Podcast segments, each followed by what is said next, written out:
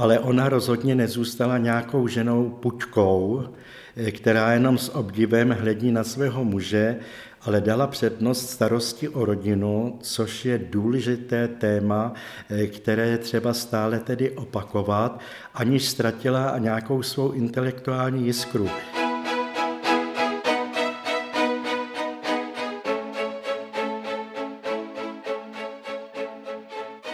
Eklézia podcast. Duchovní témata. Zajímaví lidé z katolické církve. Aktuální dění. Ptejte se s námi. Dnes posloucháte Eklézia podcast s Markétou Imlaufovou a Jacobem Jankem. Naším dnešním hostem je pražský pomocný biskup Václav Malý, který s námi pohovoří o životě a odkazu Dany Němcové, která zemřela v dubnu letošního roku ve věku 89 let a kterou následně v kostele svatého Ignáce v Praze doprovázel na poslední cestě. Dana Němcová byla psycholožka, manželka známého katolického dizidenta Jiřího Němce, se kterým měla sedm dětí. Během normalizačních let byla rodina Němcových podpůrným bodem pro různé undergroundové komunity. Manželé Němcovi rovněž patřili k prvním signatářům Charty 77. Dana Němcová se následně podílá na založení výboru na obranu nespravedlivě stíhaných vonc, který dokumentoval případy persekuce a posílal o nich zprávy do zahraničí. V této době rovněž strávila půl roku ve vazbě. Po listopadu 1989 se nejdřív nakrátko stala poslankyní federálního parlamentu, poté vedla správní radu výboru Dobré vůle Olgy Havlové a pracovala v poradně pro uprchlíky. Milí otče biskupe Václave, děkujeme, že jste si na nás i na naše posluchače udělal čas. Rád. Tak začněme možná od vašich vzpomínek. Kým byla pro vás Dana Děmcová a jak jste se vlastně poznali? Já jsem Danu Němcovou osobně poznal v chartě 77, to znamená po roce 1977 a přirozeně slyšel jsem o ní už koncem 70. let v důsledku toho, že byla manželkou Jiřího Němce, což byla známá tedy pražská osobnost, člověk, který se velmi angažoval v katolickém prostředí, v díle koncilové obnovy, zúčastnil se ekumenických setkání v Jirchářích. Takže vždycky jsem jako slyšel Jiří Němec má za manželku Danu Němcovou a mají spolu opravdu hodně dětí a vedou krásný tedy rodinný život. Jak často jste se během těch eh, let nebo během té doby kolem Charty 77 stýkali? Taky jste docházel do toho známého bytu Věčné ulici v Praze. Já jsem, eh, když jsem podepsal chartu, tak jsem byl ještě kaplanem v Plzni. Brzy tedy na to jsem potom ztratil souhlas k výkonu duchovenské činnosti, jak to tenkrát bylo nazváno tím paragrafem. Tak od té doby potom jsme se stýkali s Danou Němcovou poměrně často a samozřejmě jsem zavítal do jejich bytu velmi, velmi často, abych setkal, se tam setkal se zajímavými lidmi, Poznal jsem tam tedy mnoho známých tváří, nejen tedy intelektuálů, ale taky lidí z takzvaného undergroundu. Takže to byla taková jako spojnice eh, mezi lidmi různých tedy eh, sociálních vrstev. A opravdu to byl takový ten mytologický byt, jak se o něm píše, jak o něm psal Svatě Krásek, že Dana Němcová vařila nafukovací obědy buď pro pět nebo 22 lidí, že, že prostě je tam takový ten mýtus toho bytu, že, jo, že, že tam byla nějaká atmosféra. Tak... Ano, tam byla atmosféra, já jsem tam tolik nejedl, samozřejmě taky mi někdy bylo eh, něco nabídnuto, ale především šlo o to, že to byl svobodný prostor, že nikdo nikoho tam nekádroval, že se tam eh, bavilo o různých zajímavých tématech, a Dana právě svou laskavostí, svou mírností vytvářela takové pokojné prostředí, pokojnou atmosféru. A na to si velmi dobře tedy vzpomínám, protože to byla doba hektická, mnozí tam přicházeli, aby si postěžovali, přicházeli s různými náladami a Dana právě vytvořila takovou atmosféru, že ti lidé se mohli svěřit, že mohli nějak tak jako říci i těm druhým, co prožívají a ona nikdy nemoralizovala, nikdy nikoho neodsuzovala, spíše dovedla naslouchat a říci ve vhodný čas vhodné slovo. A to, myslím, je důležité a já jsem to několikrát zdůraznil, tedy se mě ptali různí lidé, jak si pamatuju Danu Němcovou, především, že dovedla také naslouchat, protože to myslím, že je důležité i pro dnešek, že málo kdo, koho potkáte, dovede opravdu nějak tak vyslechnout, ale zároveň také na to dobře reagovat, protože někdy můžete vyslechnout a nemusíte vůbec vědět, co ten druhý říká, a nebo reagujete nějak jenom podle své momentální nálady. to ona měla jako široké rozpětí a i když nemusela ze vším souhlasit, tak jako nikdy nikoho neponížila nebo neurazila. Hmm. Vy jste spolupracovali s Danou Němcovou také v rámci toho výboru eh, na ochranu nespravedlivě stíhaných nebo obranu nespravedlivě stíhaných. Eh, v čem přesně tedy spočívala ta činnost, eh, jak jste prostě postupovali, jaké byly ty mechanismy i toho vlastně té činnosti směrem ven pak na západ? No tak především to byla starost o lidi, handicapované lidi, kteří stáli na pokraji tedy společnosti, o něž nebyl velký zájem, ale je třeba říci, že po roce 1989 se ta situace ve společnosti změnila a výbor dobré vůle je jednou z iniciativ aktivit, která se tomuto tématu věnovala, což je velmi důležité. Samozřejmě podpora i těch, kdo se starali o tyto handicapované, organizování různých tedy projektů, různých zdravotních ozdravujících pobytů a podobně. Samozřejmě to vyžadovalo velikou vynálézavost, vyžadovalo to také získat tedy určité prostředky a myslím právě, že díky jménu tedy paní Olgy Havlové ten výbor na sebe upoutal pozornost, ale je třeba vidět také ty lidi, kteří zatím stáli.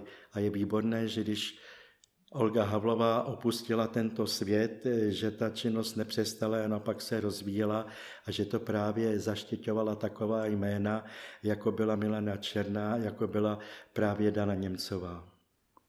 K tomu ještě přijdem k, k porevoluční době. Možná bychom se ještě chtěli uh, soustředit na uh, postavu Jiřího Němce, který byl manžel že Dany Němcové, se kterým se v roce 1955 eh, vzali a měli spolu sedm dětí. Jste říkal, že byl aktivní v katolickém disentu a že byl výrazný intelektuál jaké třeba aktivity se mohly v té době jako organizovat, když ta církev byla potlačena? No tak eh, především to byly také už eh, takzvané domácí semináře, ale právě mm, například v Jirchářích eh, bylo ekumenické setkání, kde se setkávali katoličtí křesťané, křesťané protestantských církví, byly tam různé besedy, různé teologické přednášky a Jiří Němec byl tedy významnou postavou, která tedy se angažovala v tomto klášteru vzdělání.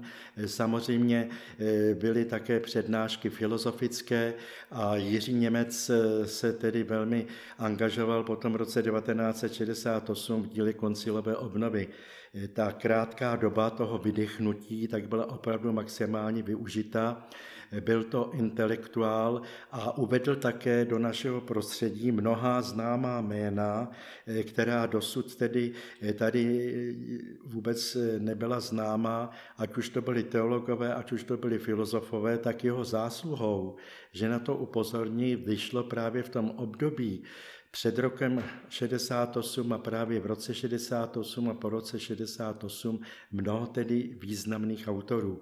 E, to je zásluha. On sám nebyl příliš psavý, on po sobě nezanechal e, příliš nějakých písemných e, záležitostí, ale byl to člověk bystrý, člověk, který diskutoval, dovedl jaksi poukázat třeba velmi neformálně, nepateticky různá hlediska na stejně projednávané téma, což bylo tedy velmi známé, takže takto já jsem ho poznal. Několika těch jeho přednášek jsem se zúčastnil a samozřejmě jsem to sledoval, tehdy jsem byl student střední všeobecně vzdělávací školy, ale o tyto záležitosti jsem se už zajímal.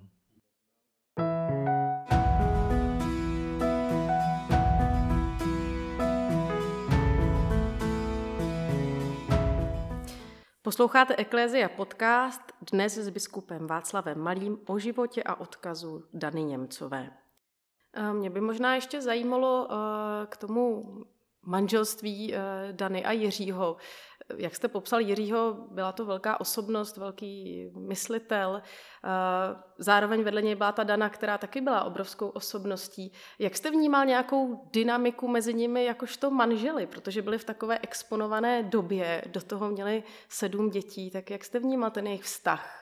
Tak jsem ho vnímal zvenku, protože tehdy jsem je nějak příliš jako osobně neznal, ale ona rozhodně nezůstala nějakou ženou pučkou, která jenom s obdivem hledí na svého muže ale dala přednost starosti o rodinu, což je důležité téma, eh, které je třeba stále tedy opakovat, aniž ztratila nějakou svou intelektuální jiskru. Eh, takže ona byla Jiřímu rovnocenou partnerkou, byť byla tedy v pozadí a samozřejmě všech těch aktivit se nemohla jako zúčastnit, protože se musela starat o pleny dětí. Hmm. Že ona vlastně, jste zmínil, že Jiří byl eh, psycholog, ona taky vlastně byla vystudovaná psycholožka a do, do svého angažmá v chartě vlastně i profesionálně se v tom angažovala ano. v psychologii. Já jsem samozřejmě o nich byl informován také přes druhé, kteří je lépe znali, znali je osobně. Takže to, co teď tady říkám, tak samozřejmě to mám spíše tedy zprostředkované, než z vlastní zkušenosti. O vlastní zkušenosti mohu mluvit opravdu eh, teprve po chartě 77. V roce 1968 po okupaci země sovětským svazem se Němcovi načas přesídlili i do Rakouska a uvažovali o emigraci. Eh, zaznamenal jste i vy nějak v tom období, kdy jste měl možnost se kolem nich pohybovat, eh, že by ještě třeba o té emigraci i přemýšleli někdy? Tak rozhodně, když jsem je osobně poznal, tak o té emigraci už vůbec tedy nepřemýšleli. Jak jsem se později dozvěděl, i z písemného záznamu Dany Němcové, eh, tak samozřejmě oni si rozhodli, že se vrátí, ale potom Jiří Němec eh, někdy po roce 80 se mi zdá, eh, tak emigroval do Rakouska, ale to už je tedy jiná kapitola, ale je důležité, že se vrátili po tom roce 1968, protože byli opravdu významnou takovou oporou všem těm tehdy nezávislým aktivitám. Myslíte si, že pro Dan, nebo že Dana vnímala to své disidentské angažmá v té době jako nebezpečné, i vzhledem k té rodině. Přece jenom byla v roce 79 eh, půl roku ve vězení zhruba, takže musela to i nějak těžce nést. Projevovala se to nějak? Ona nebyla takovou hrdinkou, která by o tom mluvila. V tomhle tam ona o sobě nerada mluvila, ale činila. A to myslím, že bylo tedy velmi důležité a nikdy se nechlubila. Já jsem tady zůstala i s rodinou, byli jsme v nejistotě existenční, sociální, samozřejmě stále tedy ohrožování tehdejší státní bezpečností a to jsem si tedy vážil. Víte, protože někteří lidé tak příliš zdůrazní své zásluhy a na ně poukazují, člověk si o tom může myslet, co je, já nechci jak si na někoho poukazovat, když to u Dany jsem tohleto tedy nikdy nezaznamenal. A také jsem nezaznamenal, protože potom ten vztah mezi ní a Jiřím byl složitější, ale já do toho tolik jako nevidím, ale nikdy jsem tedy neslyšel, že by nějak na svého muže žehrala, jo, nebo že by vynášela eh, na veřejnost jo, některé záležitosti, které patří tedy jenom do oblasti těch dvou. To jsem si tedy také vážil, protože jsem zažil v životě eh, mnoho lidí, kteří se třeba rozcházeli nebo se nepohodli a potom někdy to bylo tak jako smutné, když jeden o druhém mluvili před cizími lidmi. Přesto eh, ta situace pro nás v tuto chvíli jakoby je nepředstavitelná eh, pohybovat se mezi, eh, mezi tím životem dizidentským a mezi tím životem třeba rodinným, vlastně čemu, čemu dát tu přednost. Byli lidé třeba, kteří jakoby nechápali nebo vyčítali třeba i daně, to, že prostě takhle riskuje, když má sedm dětí, že prostě riskuje to, že nebudou moci na školy nebo že budou mít oba rodiče zavřené? Samozřejmě. Tehdy bohužel děti se stávaly rukojmími rodičů, to, co jste tady teď pojmenovala, samozřejmě rodiče řekli, nebudeme kazit budoucnost dětem.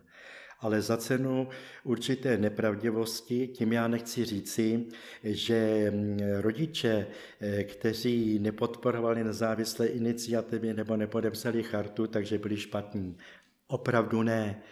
Ale samozřejmě Dana to řekla tedy i ve svých rozhovorech, potom v poslední době, že chtěla ukázat dětem, že stojí za to mít nějaké přesvědčení a za tím přesvědčením stát, že není dobré, když děti jsou vychovávány v životě dvojí tváře, jak já to nazývám. Něco jiného doma a něco jiného navenek. A toho si velmi vážím, protože samozřejmě my jsme byli bez rodiny, bez dětí, ale pro ty rodiče, a bylo jich víc nejen Dana, eh, kteří se tedy rozhodli podepsat tu chartu se všemi těmi riziky a dovedli tedy dokonce i ty děti nějak tak eh, přesvědčit, že ta jejich cesta, i když je docela svízelná, eh, takže je to cesta, která vede tedy k nějakému cíli, která má nějaký smysl. To je tedy obdivuhodné, protože v tom tlaku to rozhodně nebylo jednoduché. A Dana byla tady jednou z těch velmi statečných žen. Říkám, bylo těch žen jako více, ale ona opravdu eh, čněla. Hmm. Možná se to dá nazvat nějakým morálním dilematem, eh, na jakou stranu se v tu chvilku přiklonit. Eh, jakou roli myslíte si, že sehrávala eh, víra v tom, jak si danině rozhodováním ohledně tohohle možná morálního dilematu rodina nebo právě dát na ten svůj nějaký vnitřní pocit? Víra hrála velikou roli, ale zase byla nepatetická. Byla to víra živá, přirozeně já jsem ji zastihl mnohokrát, když pěkně reagovala na nějaký biblický text, protože jsem také pro ně někdy sloužil ehm, bohoslužbu, eh, když reagovala že na nějaké duchovní téma, tak to bylo takové k věcné, ale zároveň ne, aby se ukázalo, no tak já jsem tedy pevná a kdo není pevný, no tak to je trošku jako smutné. Ani v tomhle tom tedy nikoho nesoudila. A právě proto byla ta víra přesvědčivá, nikomu ji jako nevnucovala, nebyla to víra ideologická, ale víra, která se osvědčila v tom, že ona jako zůstala pořád tedy na této cestě, protože bych řekl, samozřejmě teď parafrázuji, vezmi svůj kříž a následuj mě. A tohle, myslím, ona žila. Když mluvíme o jejím příkladu, tak jaká byla vlastně její role v rámci charty a v, rámci voncu výboru? Tak v rámci Voncu ona se zúčastňovala že jo, pravidelných setkání, protože jsme sbírali informace o nespravedlivě stíhaných, jezdili jsme na soudy, vydávali prohlášení, tak na tom se ona také tedy podílela, především, že získávala informace, protože v jejím bytě se opravdu scházelo mnoho lidí z různých koutů Čech, Moravy, někdy i Slovenska, takže těch informací celkem měla dost. Eh, také potom jeden čas byla mluvčí Charty 77, no tak eh, mluvčí byli takovou zárukou, eh, že to, co Charta vydává, tak že je opřeno tedy o dobré informace, že to nejsou jenom nějaké takové výmysly. Takže v tomto smyslu eh, ona byla angažovaná, eh, ne vždycky se musela podílet tedy na všem, ale to, že se tam scházeli lidé, tak samozřejmě ten byt se stával eh, takovou studnicí informací a potřebných informací. Vy jste často dotazován na, na tu dobu kolem Charty 77. Je to prostě Já už si pro, to ani nepamatuju. Je to pro vás prostě specifické. Často vlastně dáváte rozhovory na tohle téma. Mě by zajímalo, jak často uh, si na to vzpomenete na tuhle dobu jako jen tak, z ničeho nic, prostě v běžném životě. Jestli si občas třeba na nějaké momenty vzpomenete a které to jsou?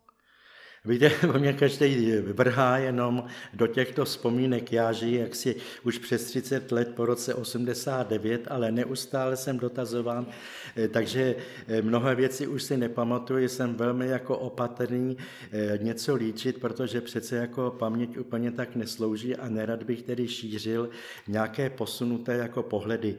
Tak samozřejmě občas si vzpomenu, ale už to není pro mě tedy něco, co je tak jako živé, spíše některé takové legrační momenty, eh, já nevím, eh, třeba v bytě Petrušky Šustrové, která nedávno zemřela, nebo některá setkání právě v bytě Daní Němcové, nebo u Václava Bendy na Karlově náměstí.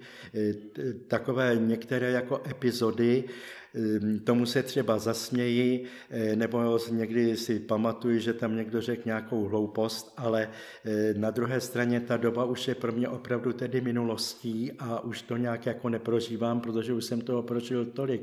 Po tom roce 89 a pohybuji se trošku v jiném prostředí, že jo, především jako v církevním prostředí, takže jsem se seznámil s mnoha stovkami dalších lidí a e, jenom jako oceňuji, že když se setkám s těmi chartisty, tak dodnes, jak si máme přátelské e, vztahy, dobře si popovídáme, třeba i zavzpomínáme, což jako velmi jako cením, jo, že jsme se jako neodcizili. Tímto nechci líčit jako nějakou idylku, ale rozhodně to není teda pro mě takové téma, abych pořád ještě si říkal, jo, tehdy to a ono. Mě v, to, v téhle souvislosti napadá, že vlastně vás tmelila v té době, nebo vás tmelil nějaký odpor vůči tomu režimu, že jo, bylo to nějaké jako prostě nějaká, něco, co vás posouvalo dál, ale jakmile se ten režim zhroutil, tak pro mnohé lidi eh, ztratili vlastně tu půdu pod nohama a ztratili vlastně, nebo museli adaptovat se na úplně jiné podmínky, kdy najednou byli jakoby společenskou elitou, nebo mohli se dostat nějaké vysoké společenské pozice. Tak mě by právě zajímalo, jestli jste to nějak vnímal těsně v těch 90. letech, jestli jste se ještě nějak stýkali, anebo jestli jste opravdu všichni jako vyrazili jako vstříc nějakým jiným možnostem novým. Tak část jako přirozeně využila nové možnosti, poměrně velká část stoupila na politické pole, a bylo to dobře, eh, takže mm, aby docházelo k nějakému pravidelnému setkání, to opravdu ne, spíše tak jako mezi jednotlivci, Samozřejmě část lidí se navzájem odcizila, ale více méně jsme věděli o sobě. Někdy bylo překvapivé, že někteří třeba trošku zaměřili svůj život směrem, který by člověk neočekával třeba na tom politickém kolbišti, to ano, ale řekl bych, že velká část těch lidí obstála a že se zachovali čestně i po roce 89. Znova říkám, všichni jsme byli lidi s chybama, se svými omezeníma, ale myslím, že jde říci, že velká většina teda si zachovala určitou čest, a což myslím, že je jako dobré. Aniž je svatořečím. Zatím. Mě ještě napadá, když jsme se bavili o těch setkáváních eh, v tom bytu Věčné ulici, jak moc se třeba i při těch setkáních tam eh, vyloženě bavilo třeba i o právě věcech víry, nebo o Bohu, nebo jestli jste se třeba, nebo jestli máte informace, jestli se třeba i ty lidi někdy společně modlili, nebo jestli to bylo tak nějak jakoby oddělené, o, ta víra daný od toho nějakého politického angažma. To jsem tam nezažil, eh, abychom se společně modlili možná jednou, dvakrát, ale že tam eh, byla nastolena témata víry, to ano. Jo, protože málo platné eh, přicházeli tam lidé, kteří se ke křesťanství hlásili eh, nebo o křesťanství přemýšleli, třeba ti lidé z undergroundu, kteří neměli nějaké tedy intelektuální zázemí, ani třeba ani rodinné zázemí, tak rozhodně tyhle otázky tam padaly samozřejmě ve vší někdy naivitě, ve vší ostrosti, ale nikdo nikoho tedy nepřekřičkoval a e, Dana opravdu, jak už jsem řekl předtím, s takovou jako moudrostí e, se snažila to uklidnit a dejme tomu sama tedy odpověděla, jako na to cítí a tu Danu oni brali, jo, to byla opravdu taková matka. Hmm. Když se teda konečně posuneme do období po listopadu 89, tak víme o Daně, že byla jednou ze zakladatelek eh, poradny pro uprchlíky eh, Českého helsinského výboru a uprchlíkům a migrantům se následně věnovala 15 let. Spolupracovali jste nějak v, v tomhle ohledu, a nebo zaznamenával, zaznamenával jste to nějak? Já jsem to práci? zaznamenával, já se v tom neangažoval, ale morálně jsem to podporoval a vyslechl jsem si své i v katolické církvi i po roce 89, pokud jsem se nějak tak pozitivně vyjádřil k potřebě mít jako ohled i na ty uprchlíky, že to není jednoduché, eh, takže spíše jako morálně eh, jsem ty lidi podporoval, eh, nechal jsem se informovat a velmi mě tedy mrzelo zase nikoho nebo nomenovat a nikoho soudit, ale někdy tedy ta zarputilost některých lidí a bohužel i křesťanů, tak to mě docela jako zarazilo. Vůči tomu tématu a že to se nás jako netýká, že my se musíme jako soustředit na ty tady na novácí záležitosti a nemáme na to jaksi ani sílu, jo, a teď takové to podezřívání, že jo, všechny strkat tedy do jednoho pytle a podobně. Já tohle téma nechci jako rozíberat, a to jenom když jste se ptal tedy na tu práci superchlíky, tak to jsem si právě také Dany vážil, že v tomto zachovávala takové rozumně stanovisko. To vůbec jako neznamená kdykoliv každého a jakkoliv, jo. A na druhé straně jako nelze uzavřít ty dveře. No určitě, protože e, připravě na tenhle rozhovor jsem si pouštěl poslední dokument, co s ní natočili, to jste možná určitě viděl. E, Věčný úsměv Dany Němcové, co vyšel no. loni v létě a vlastně tam ona jde na nějaké setkání s, těma uprch, s těmi uprchlíky, kteří už jsou tady usazeni, mluví česky, jejich děti mají české pasy a oni vlastně taky oslavují mama Dana, že jo, mm. že to byla jejich maminka, tam lidi brečeli různě, že Eh, a vlastně ona tam o tom taky vykládala, že, že ty lidi taky ubytovávala zprvu ve svém bytě, že to byl takový uvozovkách punk. Tak eh, i tohle je zajímavé, že to říkáte, no, že, že i během toho undergroundu byla vlastně taková maminka.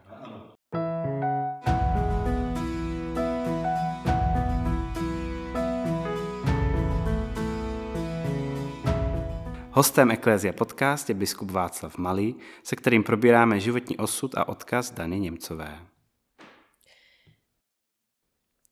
Trošku se podíváme teď už do té současnosti, eh, do toho aktuálního období posledních let. V jak úzkém nebo častém kontaktu jste s Danou byli během posledních let, nebo můžeme říct i po tom roce 89, ale to je stále velký časový horizont.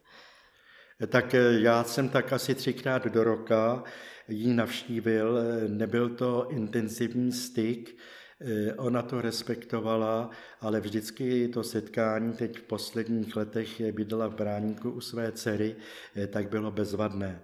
Takže ještě s přáteli, ano, to jsem se docela těšil, protože to byly takové uvolněné večery, eh, kde se sice eh, referovalo o všem možném, ale mělo to určitou jako úroveň, jo.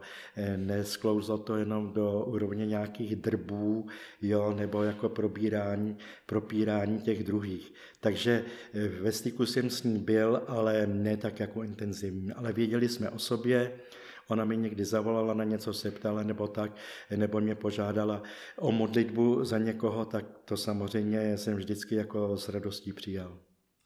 Vy jste se stal samozřejmě po listopadu 89 eh, významnou postavou v České katolické církvi, řekněme. A eh, tak mě by třeba zajímalo, nebo nás by zajímalo, jak jak vnímala Dana Němcová tu církev po roce 89? Byla její nějak aktivní součástí nebo byla to její víra spíš taková individuální, osobní? Ne, ta víra mě byla naprosto praktická, že nejen pomáhala před listopadem 89 a měla na zřeteli tedy lidi potřebné, ale už jsme také o tom mluvili i po roce 89. Byla to víra praktická, eh, zúčastňovala se pravidelně bohoslužeb, eh, modlila se také několikrát společně, eh, jsme se modlili, chci říct když jsem ji tedy viděl, dejme tomu dvakrát, třikrát do roka, navštívil se s přáteli v jejím bytě, tak vždycky jsme skončili modlitbou, což bylo tedy velmi pěkné. Ale do nějaké diskuze o církvi, jo, že by o tom psala, nebo že by se v těch rozhovorech nějak příliš o tom šířila, tak to jsem jako nezaznamenal. Ale já myslím, že právě poznala tu svoji roli a že ji naprosto báječně jako splnila, že nebylo od ní očekáváno, aby napsala nějaké eseje nebo měla nějaké přednášky, ale konkrétní jako křesťanské činy v duchu Evangelia. Hmm. Jak jsme se bavili předtím o vlastně, nebo říkáte, že ta její víra byla praktická i před listopadem, i po. A, a jak jsem říkal o tom dokumentu, kde je, kde je velmi pěkně vidět, jaký má, má pěkný vztah eh, s lidmi ve svém okolí a i s, vlastně s cizími lidmi, s těmi uprchlíky. Odkud myslíte, že pramenila ta jejich síla, ta, ta, ta motivace pomáhat těm lidem a, a rozdávat se jim? Já myslím, ano, četla písmo, to vím, a modlila se, že to byly ty hlavní zdroje, ale moc o tom jako nemluvila. Víte, já nemám rád takové ty pobožnostkáře, že jo, kteří tak dávají najevo, že jo, jo třeba jim se tak jako modlit a teď chtějí, aby ti druzí to věděli. Tohle jsem u ní tedy nikdy nějak tak eh, nepostřehl a eh, když tak jako jsme se vyzvali, abychom se modlili, tak to bylo takové jako střízlivé, ale bylo to opravdové. A tak myslím, že z tohohle ona čerpala sílu. Hmm. Na závěr bych možná chtěla vám dát takový prostor, jestli je ještě něco, co v rozhovoru nezaznělo a vám přijde, že by byla škoda, kdyby o to naši posluchači přišli. Teď mě opravdu tedy nic nenapadá, ale ona měla také smysl pro humor takže se dovedla zasmát. Jo, nebyla to zase jenom žena, eh, která jenom se tak jako starala, že asi nikdo něco nepotřebuje, nebo někoho jako potěšit, ale samozřejmě se dovedla zasmát a dovedla se zasmát tedy i hloupostem, eh, což eh, někdy zase ti intelektuálové tak jako přezírají, protože to není jako hodná, že jo, jejich intelektuální úrovně, tak to ona se dovedla zasmát a občas jsme se zasmáli, že jo, když jsme si tak jako řekli, jaký hlouposti jsme třeba slyšeli, tak tohle bych ještě řekl k té daně. Jaký si myslíte, že je odkaz Dany Němcové pro dnešek, nebo co by nám mohla tak vzkázat, nebo co by byl její Čím by odkaz? Nás inspirovat? Snažte se o rovnou páteř, eh, snažte se o nějakou osobní čest a nečekejte za to, že vás, druhý budou, že vás druzí budou chválit. Tečka. To jsou krásná slova na závěr. Děkujeme moc za ně. Hostem Eklézia podcast byl biskup Václav Malý, se kterým jsme si povídali o zajímavém osudu a životní dráze chartistky Dany Němcové. Moc krát vám děkujeme za rozhovor, za váš čas i za všechno, co jste pro nás a pro naši demokratickou budoucnost udělal i v minulých letech. Tak děkuji za tyto příjemné chvíle a děkuji, že se snažíte taky šířit eh, dobré myšlenky, rozhovory s různými jako lidmi. Tak eh, za to vám děkuji, že nezůstáváte pasivními pozorovateli současného dění. Děkujeme. Děkujeme. Ať se vám daří a, a pán Bůh vám žehná. Děkuji. A loučíme se i s vámi, naši milí posluchači, a těšíme se opět na slyšenou v Eklézia podcast. Jsme rádi, že jste si poslechli tenhle rozhovor. Pokud se vám líbil, neváhejte se ponořit do dalších našich epizod. Aby vám neunikl další zajímavý host, klikněte už teď na tlačítko odebírat. Jsme na platformách Spotify, Google Podcast, Apple Podcast nebo i YouTube, kde je i video a záznam našich rozhovorů. Budeme vám taky vděční za recenzi, hodnocení a sdílení našeho podcastu dál.